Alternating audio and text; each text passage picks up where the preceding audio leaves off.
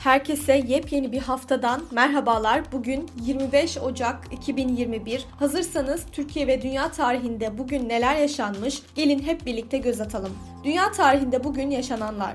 1072 Divan-ı Lügati Türk, Türk kültürünün ilk Türkçe dilinde yazılan sözlük eseri Kaşgarlı Mahmut tarafından yazılmaya başlandı. 10 Şubat 1074'te bitirildi. 1881 Thomas Edison ve Alexander Graham Bell oryantal telefon şirketini kurdular. 1918 Rusya Sovyetler Birliği oluşunu ilan etti.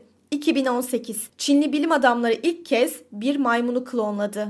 Türkiye tarihinde bugün yaşananlar. 1939 Celal Bayar hükümeti istifa etti. Yeni hükümet Refik Saydan başkanlığında kuruldu. 1952 Türkiye Cumhuriyeti Milli Eğitim Bakanlığı bir genelge yayımladı. Genelgede 1952 ve 53 öğrenim yılından itibaren lise eğitimi 4 yıla çıkarılacağı yazıyordu. 1954 Ankara'da sıcaklık eksi 30 dereceye düştü, okullar tatil edildi.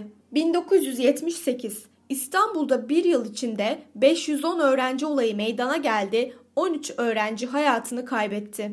Sanat tarihinde bugün 1987 30 milyon dolara sigortalanan Muhteşem Süleyman sergisi Amerika Birleşik Devletleri'nin başkenti Washington'da Ulusal Sanat Müzesi'nde açıldı. Spor tarihinde bugün 1968 Türk Ordu futbol takımı dünya şampiyonu oldu. Bugün doğanlar 1882 İngiliz yazar Virginia Woolf dünyaya geldi. 1921 Amerikalı fizikçi ve nötron bombasını icat eden Samuel Cohen dünyaya geldi. Bugün hayatını kaybedenler 1578 Kanuni Sultan Süleyman ve Hürrem Sultan'ın kızı Mihrimah Sultan hayatını kaybetti. 1958 Türk cerrah, Türkiye'de modern cerrahinin kurucusu, İstanbul'un eski belediye başkanı Cemil Topuzlu hayatını kaybetti.